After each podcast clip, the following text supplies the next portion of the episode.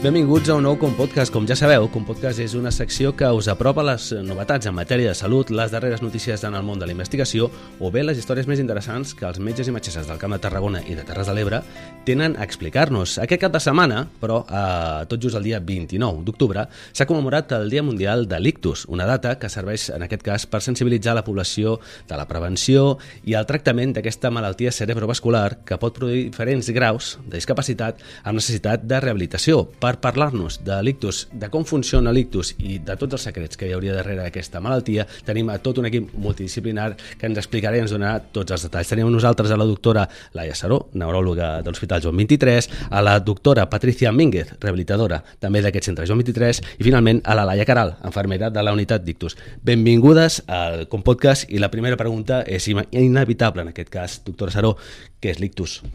Sí, eh, l'ictus vol dir sobtat i es refereix a una malaltia que s'inicia de forma molt brusca i que és, és conseqüència d'una interrupció brusca de la circulació cerebral i, i en conseqüència s'instauren uns símptomes de forma sobtada, que és el que vol dir la paraula, que poden, que poden manifestar-se de moltes maneres, no? secundari a la interrupció de la circulació en un àrea determinada del cervell i és, en funció de l'àrea que afecti doncs ens pot donar una pèrdua de força d'un costat del cos, ens pot donar una alteració de la parla, una alteració visual.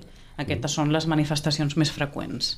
Uh, darrerament se sent molt la frase uh, mm. el temps és cervell. Mm -hmm. Per què? Quina és la importància del temps en aquest cas? Doncs la importància és, és màxima, no? perquè s'ha demostrat, i ja portem molts anys tractant l'ictus, en que com abans es detecti i abans s'arribi a l'hospital i abans s'instauri el tractament, les probabilitats de millorar i de recuperació mm. són molt més altes. Per això diem temps és cervell. Intentem conscienciar la població de que en el moment en què es detectin aquests símptomes s'ha d'acudir a l'hospital de forma immediata, no esperar a que aquests símptomes puguin remetre o millorar com més aviat s'instauri el tractament, mm. més possibilitats de recuperar té el pacient. Uh, parlarem uh, més detingudament al llarg d'aquest podcast sobre uh, l'actuació en cas d'ictus, però uh, abans de res volia preguntar-te, la, la maniobra ràpid, uh, què vol dir i, i una miqueta per, per a què serveix?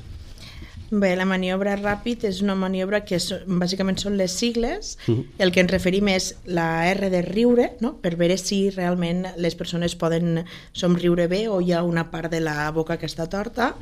La A és d'aixeca, no? de mirar si una part del cos pot aixecar-se o no, en aquest cas podria ser la cama o el braç o amb dues, les totes dos. La, la P, en aquest cas, és la de la parla. Moltes vegades ens adonem que creiem que estem parlant bé, però el que tenim al costat se'n dona compte que no pronunciem bé o que no ens surt la paraula correctament. La I és de l'ictus, no? perquè recordem que la paraula ràpid ve, ve d'això, de l'ictus també, i de la D de pressa, l'última. No? És a dir, si tu presentes alguna d'aquestes tres, o, o dos o les tres, doncs estàs reconeixent un ictus, això per la població és algo com molt fàcil, no? Uh -huh. Somrigui, aixequi el braç o parli.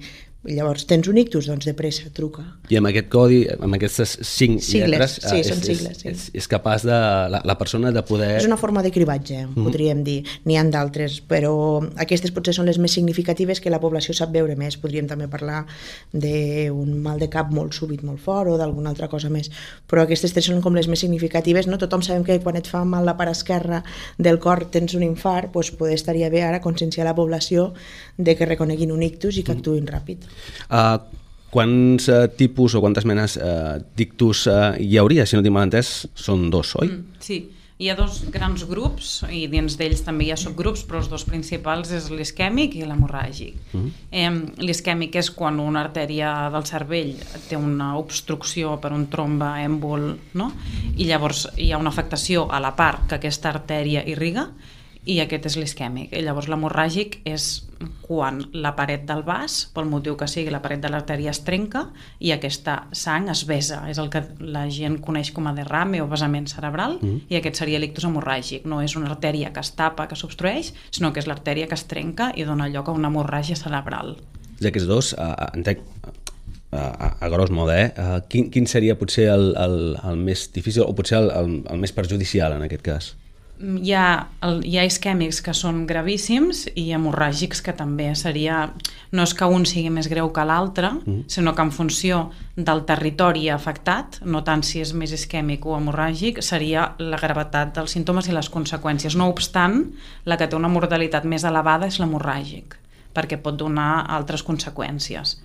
Mortalitat immediata potser seria més l'hemorràgic, però la gravetat va en funció del territori que afecta.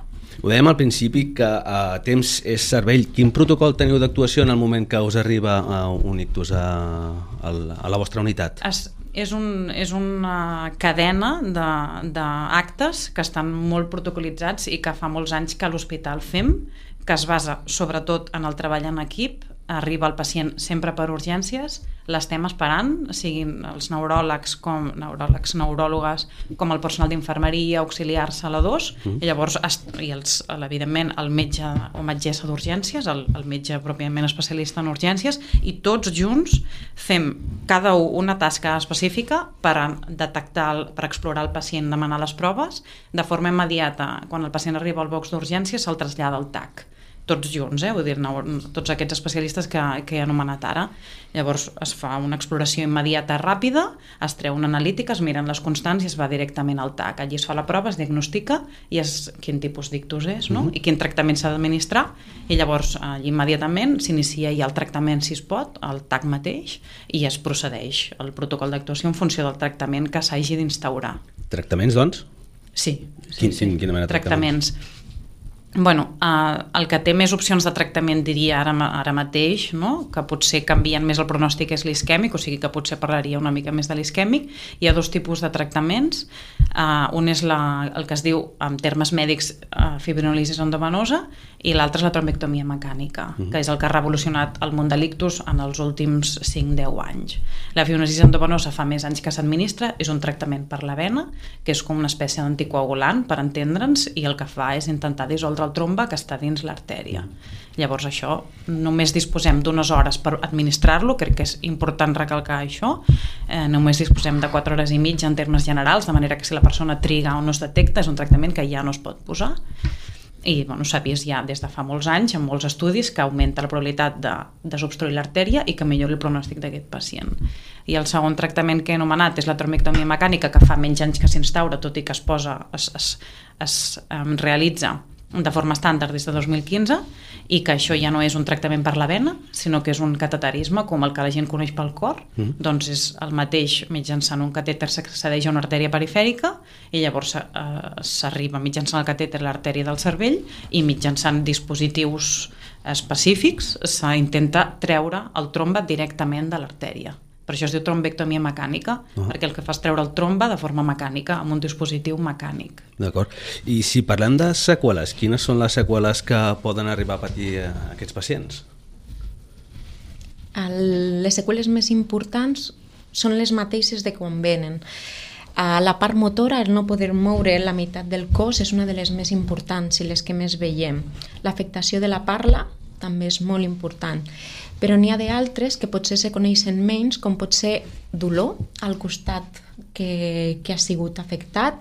Eh, també n'hi ha l'espasticitat, no? que és un augment del to. Quan veiem abans els grans semiplègics, no? quan no tenien els tractaments d'ara, que tenien el braç com molt flexionat no? Mm. o que no podien caminar. Eh, n'hi ha d'altres encara menys conegudes com són problemes per empassar, que també estan molt relacionats amb l'ictus, i després d'un altres que poden canviar, no? com persones que han patit un ictus i de repente deixen de ser elles mateixes. No? Ni afectacions cognitives que són molt importants, que poden desencadenar que no, podes, que no puguis tornar a la teva feina o que no puguis conduir. Uh, I després emocionals, com hem parlat, és algo que ocorreix de forma sobtada. Una persona està treballant amb els seus fills, amb la seva vida, i de repent això es perd. Es perd per sempre. Mm dos terços dels pacients necessiten d'un programa de rehabilitació per intentar tornar a integrar-te en aquesta vida. Però l'impacte que té per al pacient i per a la seva família, el rol passa de tenir predominantment no, un rol important a la família a ser dependent per almenys durant una temporada, potser no per sempre, però durant una temporada és la persona que necessita ajuda i això és un gran impacte a nivell de la família. I el següent que se m'ocorreix és l'impacte emocional. Eh, ningú te diu, hòstia, has perdut la teva vida, estàs mal, Clar. no? N'hi ha molt impacte a nivell de l'estat anímic, de depressions, no? de problemes d'insomni, és molt, molt, molt freqüent i, i és molt important, per exemple, eh, les actuacions de la fund les fundacions de pacients no? uh mhm. -huh. per, per acollir els pacients de l'ictus, que són creades per ells i per a ells, i són molt importants tot aquest suport, així com la feina que estem fent ara, no? de, de reconèixer que això pot passar. Parlaves de les seqüeles, però eh, durant tot aquest procés de recuperació, una mica com funciona, Antoni? Clar, el nostre servei, diem que el temps és servei perquè, a més de que l'actuació ha de ser molt ràpida, la capacitat que el té el servei de reparar-se, que això es diu neuroplasticitat, mm. és molt limitada en el temps també. El temps va molt de pressa el primer mes i mig, és clau. I després, cap al tercer, comença a anar més lent d'allò que el 95 dels pacients al, ter al mes 3, al tercer mes, s'estabilitzen. El cervell deixa de tenir capacitat no? i diem que tal i com es queden els tres primers mesos, potser és com es van a quedar per sempre. És veritat que aquest temps és entre els 3 i 6 primers mesos. No? Potser ha sigut molt, molt dura perquè és molt difícil donar aquesta informació a un pacient i una família, no? De no vas a... que ha de ser molt complicat a l'hora de digerir, no? És molt complicat dir no vas a tornar a caminar, potser no treba... No? És molt difícil, però sí que és molt important donar dates per saber les persones no, fins a on podem arribar. I aquests 3-6 primers mesos és, un, no, és una estabilitat ja que, que, que ells lo veuran i que és molt important que nosaltres lo reafirmem no? Mm. i que la població ho sàpiga. Eh, Laia, en aquest cas, eh, a més de treballar en la unitat d'ictus, tu també a nivell personal eh, has, has, has patit sí. o has viscut eh, sí. tot una mica el procés que estava explicant la doctora Com, com està tot plegat això? Um, com a familiar. Sí, sí, com a familiar, evidentment, en aquest cas. Com a, com a, com a professional també, però aquí potser entra més la, la vessant personal. Eh, bueno, com a familiar, mm, completament d'acord amb les dues companyes. És a dir, mm, des del moment que vam arribar a urgències, esperava ja allà el neuròleg amb tot l'equip d'urgències, enfermeria, auxiliar, celadors, tothom estava allà. Eh, va ser molt ràpid, arribar fins al tanc Eh, a partir d'allí ens vam quedar un temps ingressat a la unitat d'ictus i després, completament d'acord amb el que ha dit la doctora, la Patricia Mínguez, que hi ha un post-ictus molt important que potser no se'n parla tant mm. i aquest post-ictus eh, és molt difícil, tant eh, psicològic com físic, però que per sort eh, bueno, doncs hi ha un bon equip darrere i a poc a poc, amb temps ràpid, eh, vas refent la vida. I això, als tres mesos, sí. Sí, sí. Però entenc que també ha de ser complicat, més enllà del, del tema merament eh, científic o, o mèdic, eh, la família, la part de, de familiar afectada, també és, és un procés dur, complicat, eh, assumir aquest nou rol de la persona i també els nous rols que potser adquirirà la, el, el familiar. Canvia tota l'estructura canvia l'estructura molt, perquè és com bé deia ella, és a dir, aquella persona que era un puntal a la família de repent passa a ser el, el que, és a dir, si el cuidador passa a ser el cuidat i mm, amb el que tu confiaves per fer moltes coses, amb ell se li trenca, però és que es trenca tota la família, perquè deixes de comptar amb ell per moltes coses i, i de repent tu has d'assumir molta més mhm. responsabilitat, mm. el dia té 24 hores per tothom, no. Um, I aquí podem fer un fallo, per exemple, que és no contactar amb l'associació... Mm-hmm. De... Exacte, sí. No, tenim la Fundació Ictus ah, de Barcelona, que és la gran, però aquí tenim l'associació Sobreviure a l'Ictus de Tarragona. I aquí, per exemple, poder sí que hagués estat bé contactar amb ells experiències personals més enllà del tema mèdic, però si ensenyim el tema mèdic, enguany esteu d'enhorabona perquè eh, l'European Stroke Organization, entitat líder en promoure l'acreditació de centres d'alta tecnologia en el tractament d'ictus a Europa, us ha aconseguit eh, aquest certificat. En què consisteix? Doncs aquesta associació el que promou és com uns estàndards de qualitat. Llavors, eh, l'ICS, no? l'Institut Català de Salut, i concretament el pla director de la malaltia vascular cerebral de Catalunya, que és l'organisme que s'encarrega de vetllar per les unitats d'ictus i l'atenció a l'ictus de Catalunya, doncs intenta promoure que totes les unitats d'ictus de tots els hospitals tinguem aquesta certificació, perquè el que t'assegura eh, quan et donen aquest certificat és que tu tens eh, un, una assistència de qualitat als teus pacients. O sigui, evidentment que abans de certificar-nos ja donàvem una assistència, però el que tu fas és demostrar-ho i demostres amb... és una auditoria. Tu, amb, una, amb uns determinats documents que han port, ens han portat feina de, durant més d'un any. Um, hem acreditat set, totes les activitats que fem tant a nivell clínic, assistencial com de recerca i llavors mitjançant tota aquesta documentació passa per una espècie de tribunal fins que ara fa un mes o dos ens han donat el certificat però a tot el col·lectiu, eh? vull dir, inferm... és sí, una sí, cosa que avalua tot. Exacte. Infermeria, rehabilitació, neurologia, recerca, tot. Uh, comentàveu abans la importància de quan uh, us avisen d'un possible o un cas d'ictus de, de la rapidesa. Uh, a Tarragona, en, aquest, uh, en aquestes alçades, hi ha atenció continuada? És a dir, un diumenge a les 10 del matí es dona un cas d'ictus, hi ha atenció continuada? Sí, sí, sí i atenció continuada 24 hores 7 dies a la setmana i 365 dies a l'any perquè és un hospital amb neurologia de guàrdia 24 hores. Mhm. -huh. Llavors mm, sempre hi ha una neuròloga o un neuròleg esperant a l'arribada de l'ictus. O sigui, atenció continuada a l'ictus la tenim assegurada. I en aquest cas, a Tarragona hi ha, hi ha atenció continuada en, en cas d'ictus, pel que comentàveu abans, que hi ha tot un equip eh, multidisciplinar que eh, està esperant a urgències quan es detecta mm. un cas? Sí, sí, hi ha el Servei de Neurologia dona atenció continuada perquè hi ha guàrdia presencial eh, 24 hores, 7 dies a la setmana i 365 dies a l'any. És un servei amb guàrdia continuada. Mm. Sí. En aquest cas, eh, havies mencionat que hi ha dues menes de, de tractaments. Aquests dos tractaments eh, tenen una atenció continuada, com, com mencionaves, eh, a l'arribada d'un mm -hmm. ictus? El, el primer tractament que he parlat, que és la fibromialgia endovenosa, mm -hmm. com és un tractament que indiquem la neuròloga, el neuròleg de guàrdia, és una atenció continuada. El segon que he explicat, que és la trombectomia mecànica, que és el que és com un cateterisme, aquest actualment, eh, Jo 23, l'ofereix de forma parcial, eh, que són eh, 7, 5 dies a la setmana, els, els dies laborables, fins les de, de 8 del matí a 7 de la tarda. De moment és parcial, eh, previsió de que inici de l'any que ve ja es faci ampliació els caps de setmana mm. i al llarg de l'any que ve ja ser una cobertura completa. És un tractament que s'ha anat desplegant en tot Catalunya de forma progressiva, de manera que sempre s'ha iniciat per, centres de forma parcial i després s'ha anat ampliant amb l'objectiu de fer horari continuat. Però en aquest cas, sí. si arribés un pacient en cap de setmana, en el supòsit, no? Sí. que, que patís, uh, i se li hagués de fer aquest tractament de trom...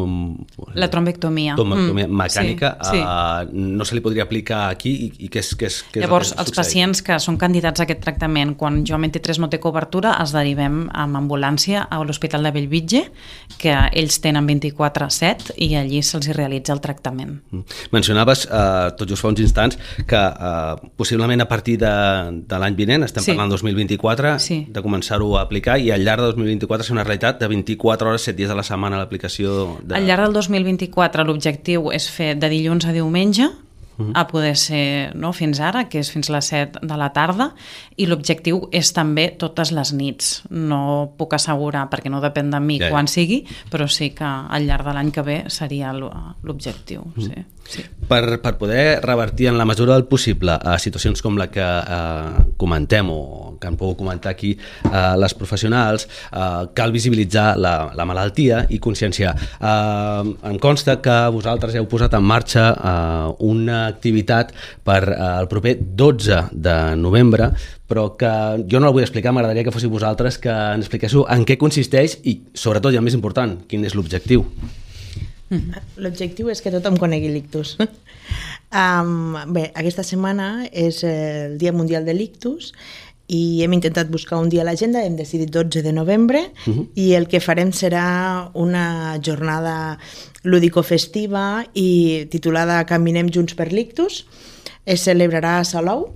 Sí. Són uh, 3 quilòmetres caminant mm, hi haurà també música en format així més festiu, eh, entrega de, bueno, doncs una mica de fruita, una mica d'aigua, motxilla, algun obsequi, sobretot que la gent es faci amb la sigla RAPID, R-A-P-I-D, mm. perquè coneguin els símptomes. Gent que ja l'hagi patit, que s'aproximi també, els invitem a que de parres fem una activitat física a l'aire lliure i bé, i que tothom hi cap allà. A més a més, hi haurà una carpa on estarem prenent les constants, l'atenció, com de forma així una mica simbòlica, perquè és important no? doncs, vigilar els factors de risc, i en aquest cas doncs, un dels factors de risc més importants eh, és l'atenció, i ja està, i esperem la màxima participació possible. De nou que sí. Uh, doctora Mínguez, és, és important conscienciar a la ciutadania, perquè aquí hem parlat molt de temes mèdics i, i temes científics, però potser uh, anar a la base i, i donar una miqueta o visibilitzar aquesta malaltia amb activitats com la que heu uh, preparat per aquest 12 pot ser la clau per evitar futurs uh, ictus o futurs problemes? Bueno, sem, com deia la Laia, no? el reconèixer un ictus és molt important, però igual aquesta jornada també té un doble objectiu que és promoure la salut, no? Mm. Promoure fer exercici, eh, controlar la tensió arterial, no? estar una mica actiu, mm, és, un, és una mena de, de prevenció per a l'ictus.